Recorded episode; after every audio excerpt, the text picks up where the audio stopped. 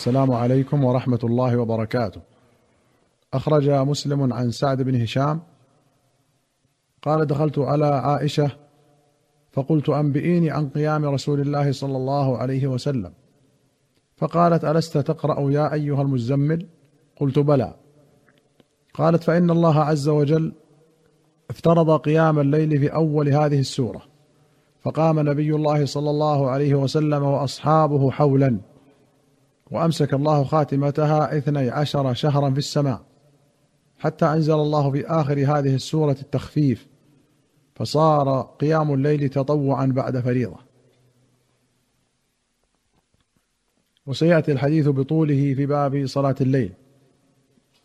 وأخرج البخاري ومسلم عن ابن عباس في قول الله عز وجل لا تحرك به لسانك لتعجل به قال كان النبي صلى الله عليه وسلم يعالج من التنزيل شدة وكان مما يحرك به شفتيه.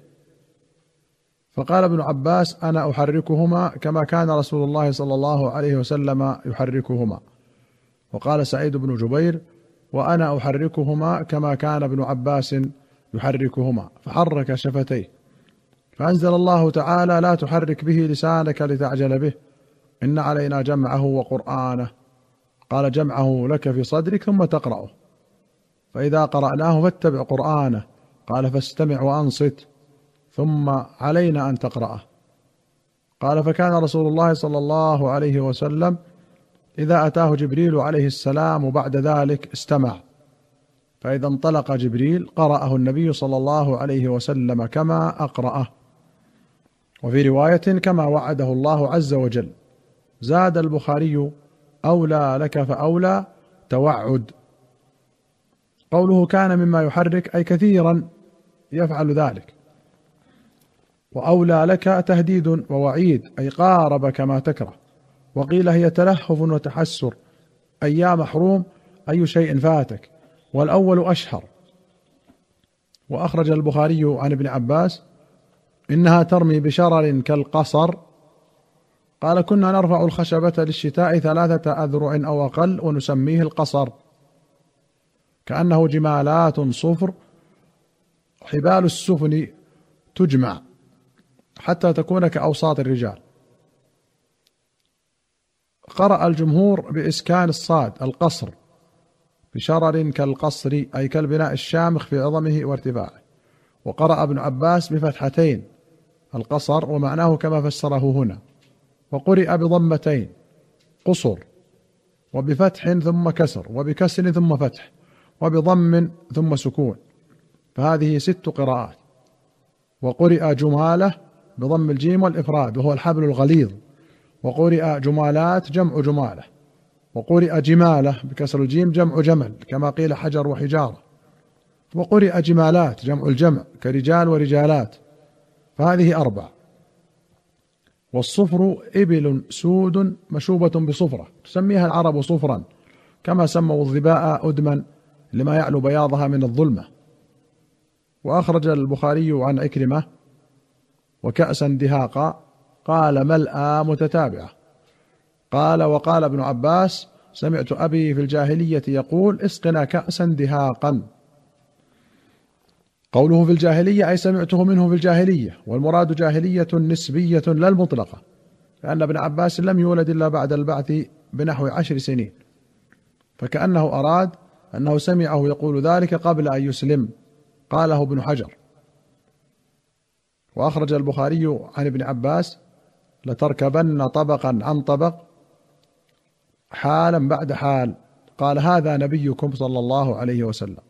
قال الطبري قرأها ابن مسعود وابن عباس وعامة قراء مكة والكوفة بفتح الباء لتركبن خطابا للنبي صلى الله عليه وسلم. وعلى هذا فسرها ابن عباس. وقرأ الباقون بالضم على أنه خطاب للأمة لتركبن طبقا عن طبق. وأخرج الشيخان عن عبد الله بن زمعة قال خطب رسول الله صلى الله عليه وسلم فذكر الناقة وذكر الذي عقرها. فقال إذ انبعث أشقاها انبعث لها رجل عزيز عارم منيع في رهطه مثل أبي زمعة عم الزبير بن العوام. قوله عقر الناقة أي قتلها والعقر أصله ضرب قوائم البعير أو الشاة بالسيف وهو قائم والعارم الشديد الممتنع. وأخرج الشيخان عن جندب بن سفيان البجلي قال اشتكى رسول الله صلى الله عليه وسلم فلم يقم ليلتين أو ثلاثا. فجاءته امرأة فقالت يا محمد إني لارجو أن يكون شيطانك قد تركك.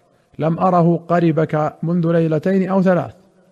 فأنزل الله عز وجل والضحى والليل إذا سجى ما ودعك ربك وما قلى. وفي رواية قال أبطأ جبريل على رسول الله صلى الله عليه وسلم. فقال المشركون قد ودع محمد. فأنزل الله عز وجل والضحى والليل إذا سجى ما ودعك ربك وما قلى. وأخرج أبو داود والنسائي والطبراني في الكبير بسند حسن عن عبد الله بن مسعود قال كنا نعد الماعون على عهد رسول الله صلى الله عليه وسلم عارية الدلو والقدر. وأخرج الشيخان عن أنس قال بين رسول الله صلى الله عليه وسلم ذات يوم بين أظهرنا في المسجد إذ أغفى إغفاءة ثم رفع رأسه متبسما. فقلنا ما أضحكك يا رسول الله؟ قال أنزلت علي آنفا سورة فقرأ بسم الله الرحمن الرحيم إنا أعطيناك الكوثر فصل لربك وانحر إن شانئك هو الأبتر. ثم قال أتدرون ما الكوثر؟ فقلنا الله ورسوله أعلم. قال فإنه نهر وعدنيه ربي عز وجل عليه خير كثير هو حوض ترد عليه أمتي يوم القيامة. آنيته عدد نجوم السماء. فيختلج العبد منهم فأقول رب إنه من أمتي. فيقول ما تدري ما أحدث بعدك. هذه رواية مسلم وفي أخرى له نحوها. وفيها إنه نهر وعدنيه ربي في الجنة عليه حوضي. وللبخاري قال قال رسول الله صلى الله عليه وسلم لما عرج بي إلى السماء أتيت على نهر حافتاه قباب اللؤلؤ المجوف. فقلت ما هذا يا جبريل؟ قال الكوثر. وفي أخرى له قال بين أنا أسير في الجنة إذ أنا بنهر حافتاه قباب اللؤلؤ المجوف. قلت ما هذا يا جبريل؟ قال الكوثر الذي أعطاك ربك. فإذا طيبه أو طينه مسك أذفر. شك الراوي. قوله آنفا أي قريبا أو الآن. ويختلج أي يجتذب وينتزع. وشانئك الشانئ هو المبغض والأبتر المقطوع وقوله مسك أذفر الذفر بالتحريك شدة ذكاء الرائحة. والأذفر أجود المسك وأذكاه رائحة.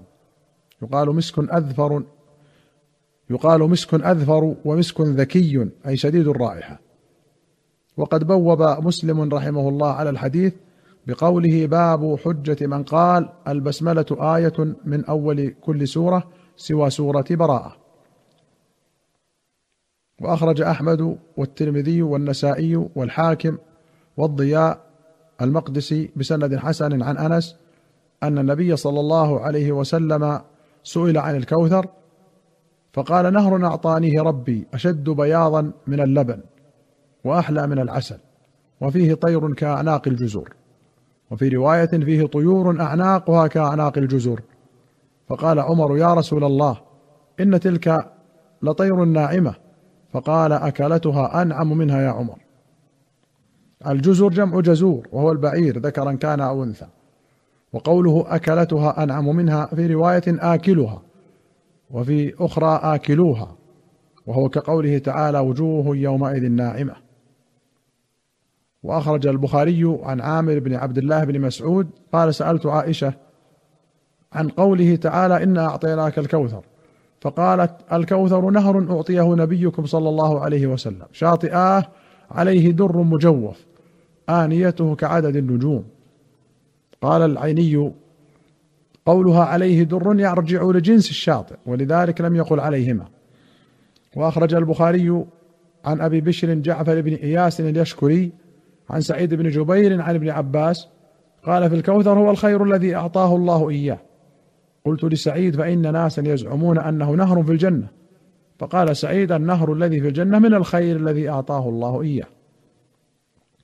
الكوثر في اللغة الكثير من كل شيء. قال الحافظ أراد سعيد أن يجمع بين تأويل ابن عباس وبين حديث عائشة. لكن ثبت تخصيص الكوثر بالنهر من لفظ النبي صلى الله عليه وسلم فلا معدل عنه. أيها المستمعون الكرام إلى هنا نأتي إلى نهاية هذه الحلقة. حتى نلقاكم في حلقة قادمة إن شاء الله. نستودعكم الله والسلام عليكم ورحمة الله وبركاته.